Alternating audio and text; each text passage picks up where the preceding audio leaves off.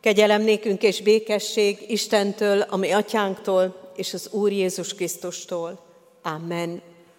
Kedves testvérek, ezen az estén is kezdjük az Isten tiszteletet a 721. dicsérettel, ennek első versét fennállva, majd az összes további versét helyet foglalva énekeljük. A 721. dicséret első verse így kezdődik, Úr Jézus, nézd le rám!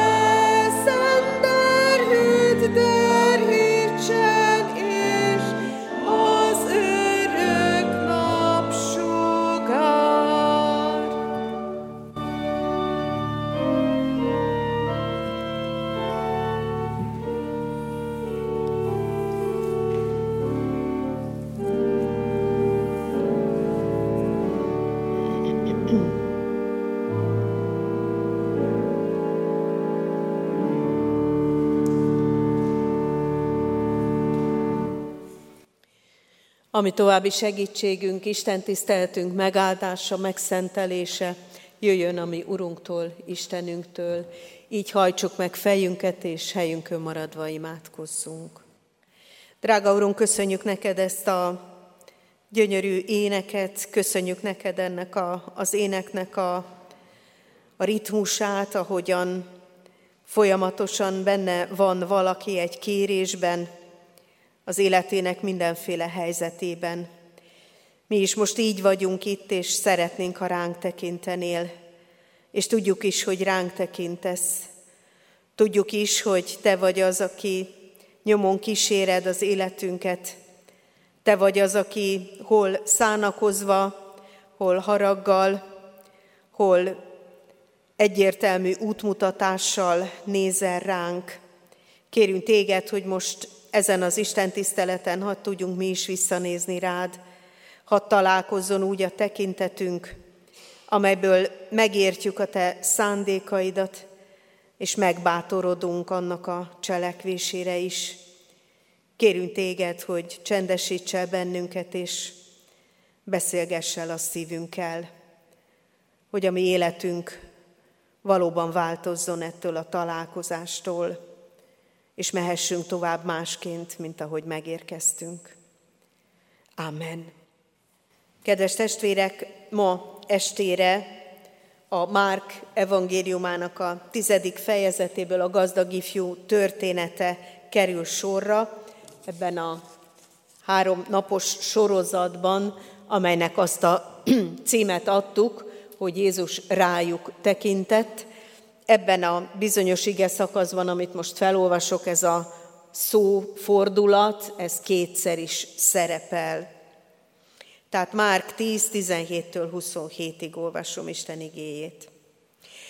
És mikor útnak indult, odafutott hozzá egy ember, térdre borult előtte, és megkérdezte tőle. Jó mester, mit cselekedjem, hogy az örök életet elnyerjem? Jézus pedig így válaszolt neki, miért mondasz engem jónak? Senki sem jó, csak egy, az Isten. A parancsolatokat tudod, ne őj, ne paráználkodj, ne lopj, hamis tanúbizonyságot ne tégy. Ne csaj, tiszteld atyádat és anyádat. Ő pedig azt mondta neki, mindezeket megtartottam ifjúságomtól fogva. Jézus pedig rátekintett, megkedvelte, őket, megkedvelte őt, és azt mondta neki, egy fogyatkozásod van. Eredj el, add el minden vagyonodat, és oszd szét a szegények között, és kincsed lesz a mennyben. Azután jöl, vedd fel a keresztet, és kövess engem. Az pedig elszomorodott a beszéden, és búsan eltávozott, mert nagy vagyonya volt. Jézus pedig körültekintve így szólt a tanítványaihoz. Milyen nehezen mennek be a gazdagok az Isten országába. A tanítványok megdöbbentek az ő beszédén, de Jézus újra megszólalt, és ezt mondta nekik. Gyermekeim, milyen nehéz a gazdagságban bizakodóknak az Isten országába bejutni. Könnyebb a tevének a tűfokán átmenni, mint a gazdagnak bejutni Isten országába. Azok még jobban elképettek, és megrökönyödve így szóltak egymás között. Hát akkor kicsoda üdvözülhet? Jézus pedig rájuk tekintett, és azt mondta, Embereknél lehetetlen ez, de az Istennél nem, mert az Istennél minden lehetséges. Kedves testvérek, a három estének ez az összefoglaló mondata, hogy Jézus rájuk tekintett, azért gondolkodtatott el bennünket, mert hogy így kiemelve talán még nem gondolkodtunk erről, hogy mi mindent látott meg Jézus azokban, akik ott voltak körülötte, vagy akik hozzá mentek, és ilyen módon hogyan szólította meg őket a látás alapján. Meglátta őket, és ebből következett egy megszólítás. És ez a bizonyos mai történet, amelyben, ahogy mondtam, kétszer is szerepel ez a bizonyos rájuk tekintet, vagy rá tekintet ige, ez nagyon szépen hozza azt a gondolatsort, hogy mennyire más az, amikor a gazdag ifjúra rátekint, és amikor a tanítványok megrökönyödésére rátekint. Hogy ez mi mindent hoz elő, és milyen mondatokat, milyen üzenetet hoz elő Jézusból, mit erősít meg, vagy hogyan mozdítja az ő gondolatait vagy szavait. És nyilván adódik a kérdés, hogy a gazdag ifjúra így tekintett és mondott neki valamit, a tanítványokra rátekintett és mondott nekik valamit, akkor ha ránk tekint, akik itt vagyunk, vajon akkor bennünket hogyan lát, és nekünk mit akar mondani? Mi az, ami a saját üzenetünk lesz, talán az is lehet, hogy nem egy forma lesz ez az üzenet, hanem mindenkinek éppen a következő lépés, amit meg kell tennie. Mit jelent mindaz, amit Jézus ezzel a rátekintéssel szeretne az életünkön változtatni? Nagyon szép ennek az igének a, a gondolata, hogy a gazdag ifjúra rátekintve megkedvelte őt.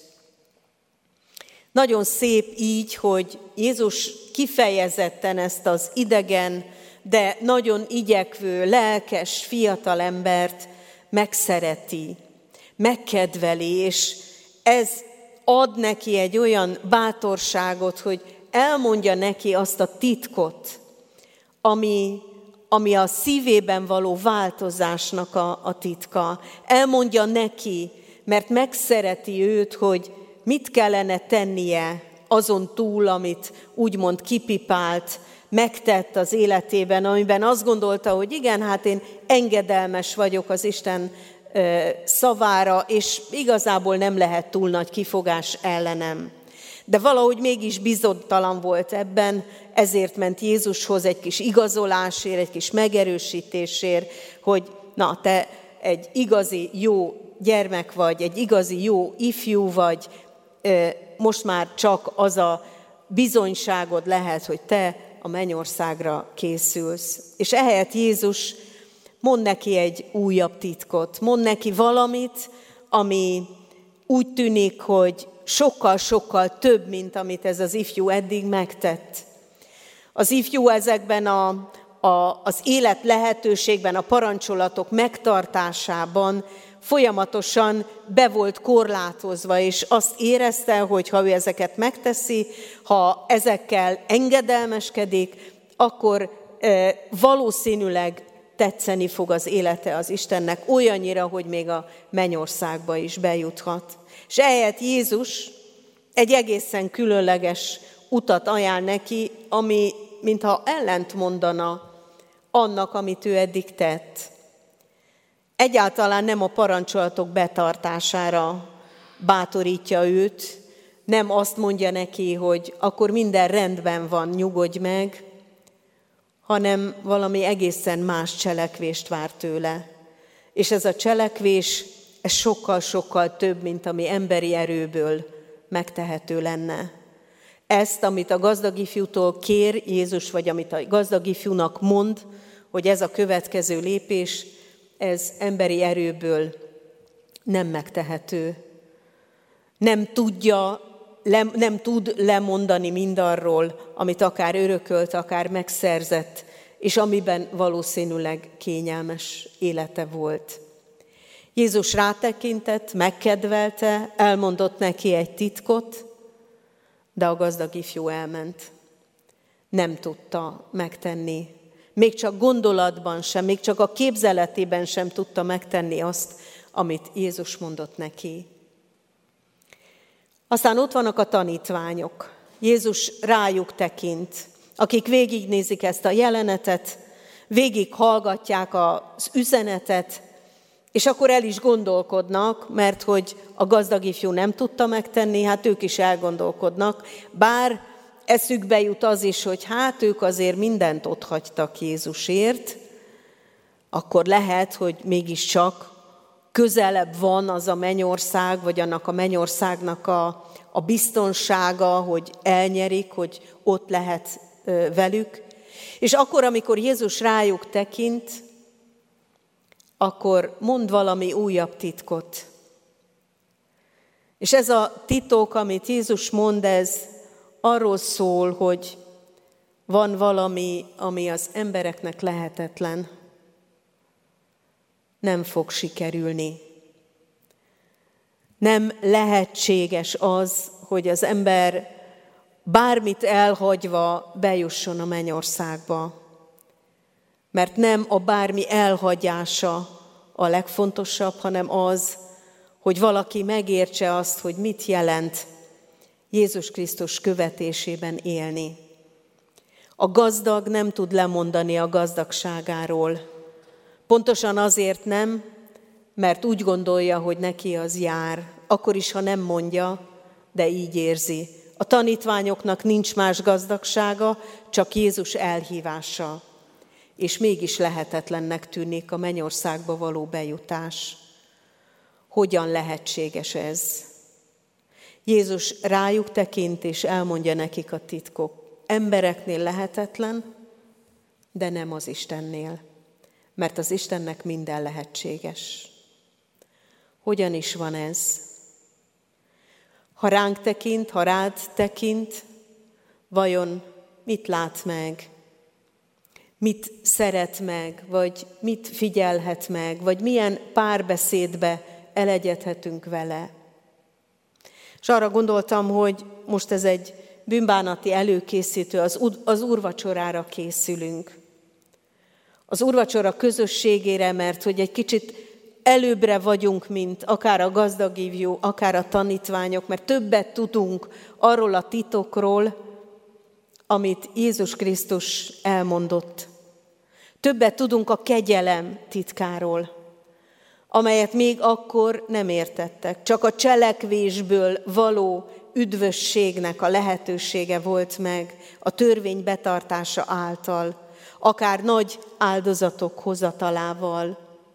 Mi ismerhetjük az irgalom, a kegyelemnek a lehetőségét, ami nekünk lehetetlen. Mi nem juthatunk be, de kegyelemből Isten kegyelme elég lehet arra, hogy mégis bejussunk.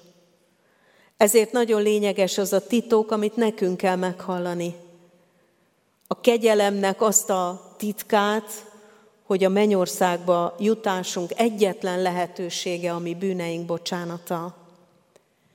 Nem a mi tetteinkért való érdem, hanem a bűnök bocsánata.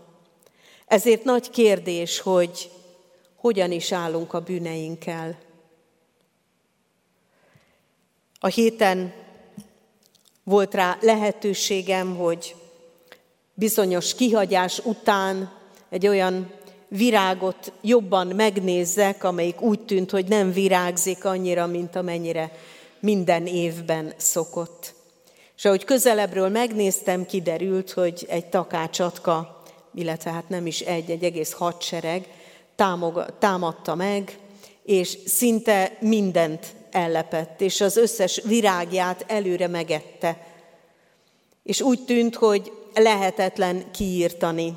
Mikor már azt gondoltam, hogy minden helyről leszettem, konkrétan, fizikálisan, kézzel, nem csak lefújtam, mert hogy lényeges volt az érintésnek a, a biztonsága, hogy leszedjem onnan, és akkor azt láttam, hogy még mindig csak kornyadozik nem nőnek a virágok.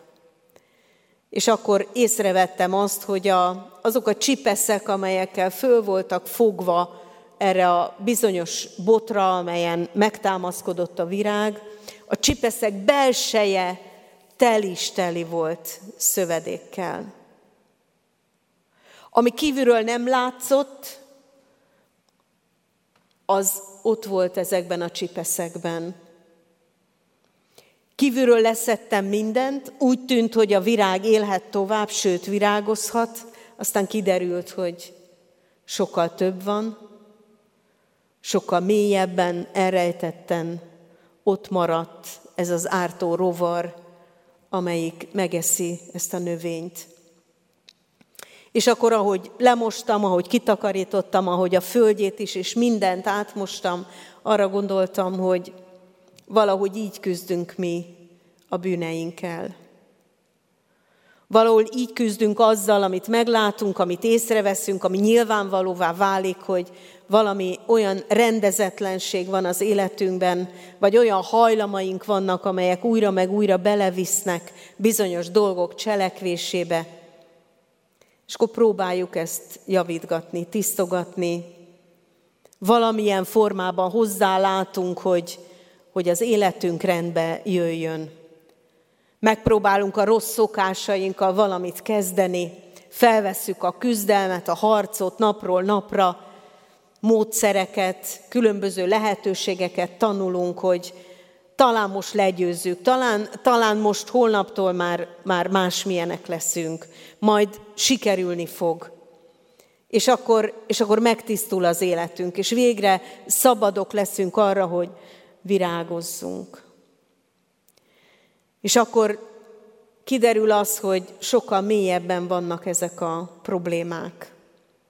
Nem lehet csak így első látásra, vagy amit mi meglátunk az életünkben ilyen úgynevezett simán és egyszerűen letakarítani.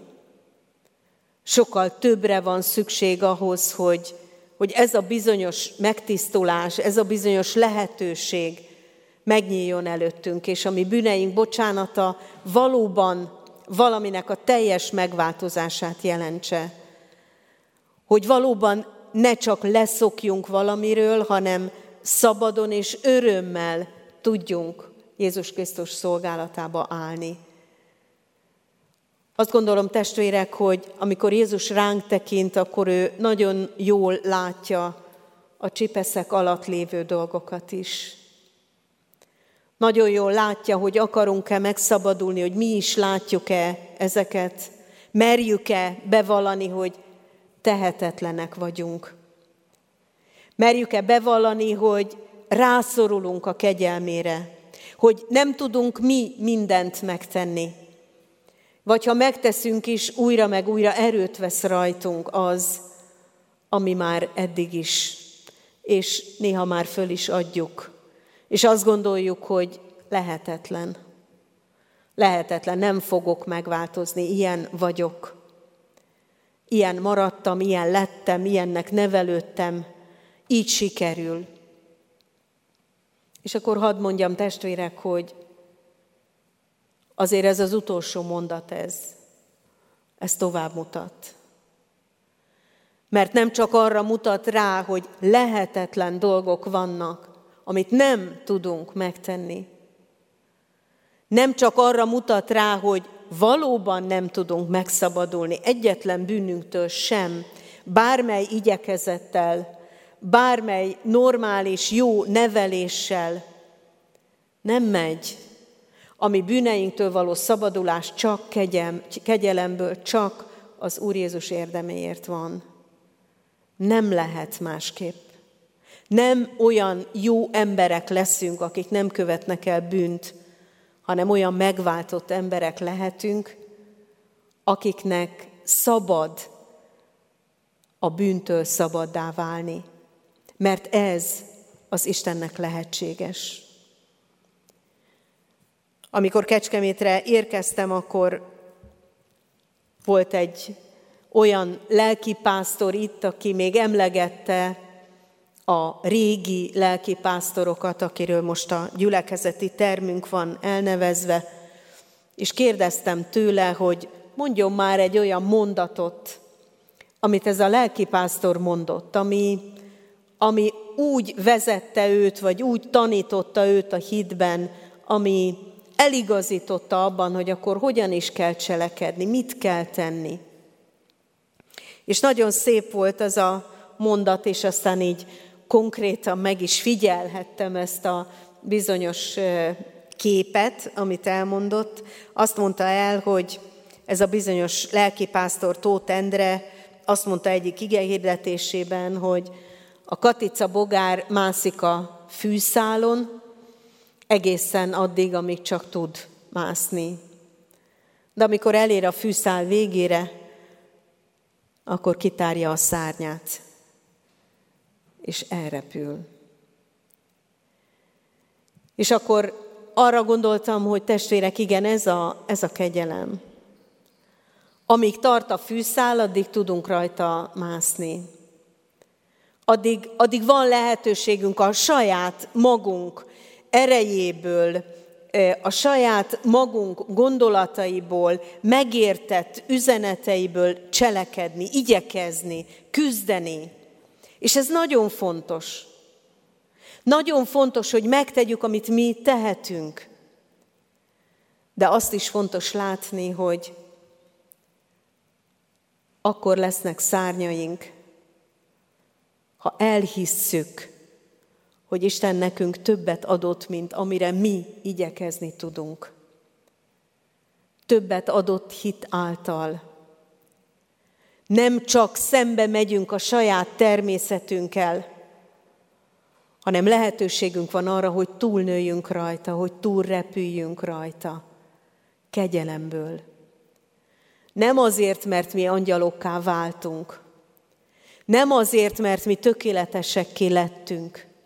Nem azért, mert mi ilyen vagy olyan módon legyőztük a saját természetünket, hanem azért, mert kegyelemből, hit által van lehetőségünk a lehetetlenre. Jézus Krisztus túl emel a saját mindenféle rabságunkon és nyomorúságunkon. Azt gondolom, testvérek, hogy fontos, hogy mi minnyáján higgyük el, és minnyáján járjunk is ebben a hitben, hogy az Istennek lehetséges, hogy még velünk is tud valamit kezdeni. Hogy még ami megátalkodott és minden formában újra meg újra visszatérő bűneinkből is van szabadulás, van megoldás, van út, amelyen lehet járni, van kegyelem, amelyik felemel. Azt gondolom, hogy ez a titoknak mindenképpen a ma esti üzenetben az egyik legfontosabb része. De utána van a kettős pont. Mindenkinek a saját életére nézve, mi az testvérem, ami neked lehetetlen? Mi az, amiről úgy gondolod, hogy te már mindent megtettél, és még mindig nem megy? Mi az, amiről azt gondolod, hogy már annyit küzdöttél vele, hogy most már igazán lehetnének eredmények?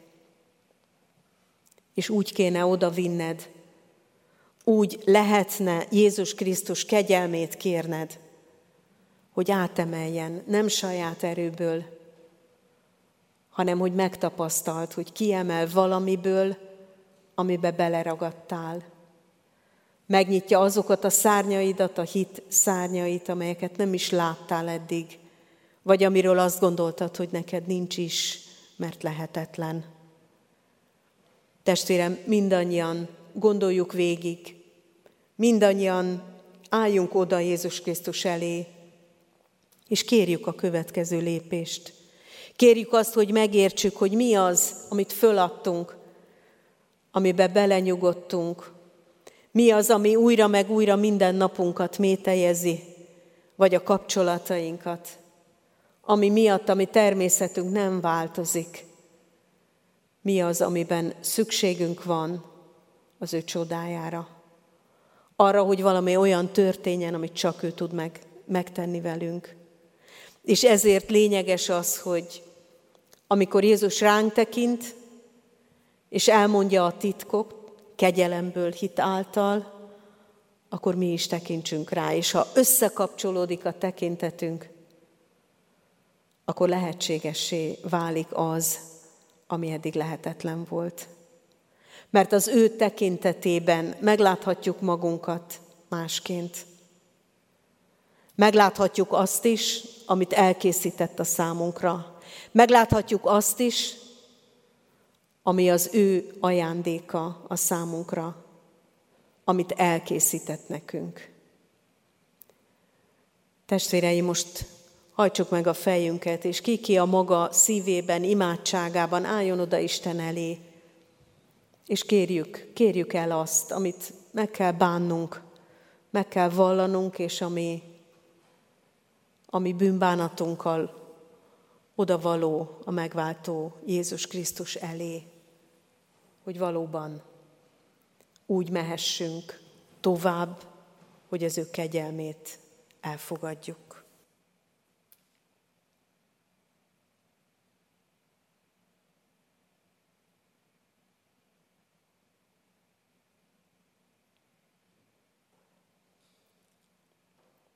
Uram, köszönjük neked, hogy te újra meg újra ránk tekintesz, meghallod, amit mondunk, Látod a gondolatainkat is, látod a küzdelmeinket is, látod a sok-sok tehetetlenségünket is, Látod, hány dologra mondtuk ki, hogy lehetetlen, hogy képtelenség. Bocsáss meg nekünk. Bocsáss meg nekünk, hogy bár élhetnénk hit által, mégiscsak a saját fűszálainkat járjuk, és újra meg újra eljutunk valaminek a végéig. És bocsáss meg nekünk, hogy annyiféle dologban nem is hívunk téged segítségül, csak kimondjuk, hogy ez lehetetlen. Annyiféle dologban meg se kíséreljük azt, hogy vajon te mit gondolsz erről. Mi lenne a te terved, a te szándékod, a te lelked által, mi lenne a következő lépés. Bocsáss meg, hogy leginkább hitetlenek vagyunk, hogy leginkább magunkra számítunk, néha másokra, és nagyon ritkán kötelezzük el magunkat arra, hogy te rád számítsunk. Bocsáss meg, Urunk, hogy annyiszor föladtuk, hogy annyiszor elengedtük ezeket a, a kérdéseket, hogy annyiszor a te tekinteted után csak elszomorodva tovább mentünk. Hogy olyan sokszor csak a magunk küzdelmét láttuk, és azt, hogy nem bírjuk tovább. Könyörű rajtunk, Urunk, és enged, hogy valahogyan másképpen nézzünk rád ami mindenható Istenünkre, aki még a bűneinkből is ki tudsz hozni, aki még a lehetetlen természetünket is meg tudod változtatni, és aki irgalommal túlemelsz a mi gyengeségeinken, nyomorúságainkon. Köszönjük Jézus Krisztus, hogy nem hagytál itt bennünket. Köszönjük, hogy nem csak magunkra számíthatunk, és köszönjük, hogy általad és rajtad keresztül nézhetünk magunkra és másokra is kegyelemből. Köszönjük, hogy készülhetünk az úrvacsora közösségére. Kérünk áld meg ezt az esténket, éjszakánkat, és enged, hogy veled tárgyaljuk végig, amit végig kell tárgyalnunk, és juthassunk döntésre, lépésekre, a szabadulás utáni repülésre, azokra a lehetőségekre, amiket Te akarsz kinyitni nekünk.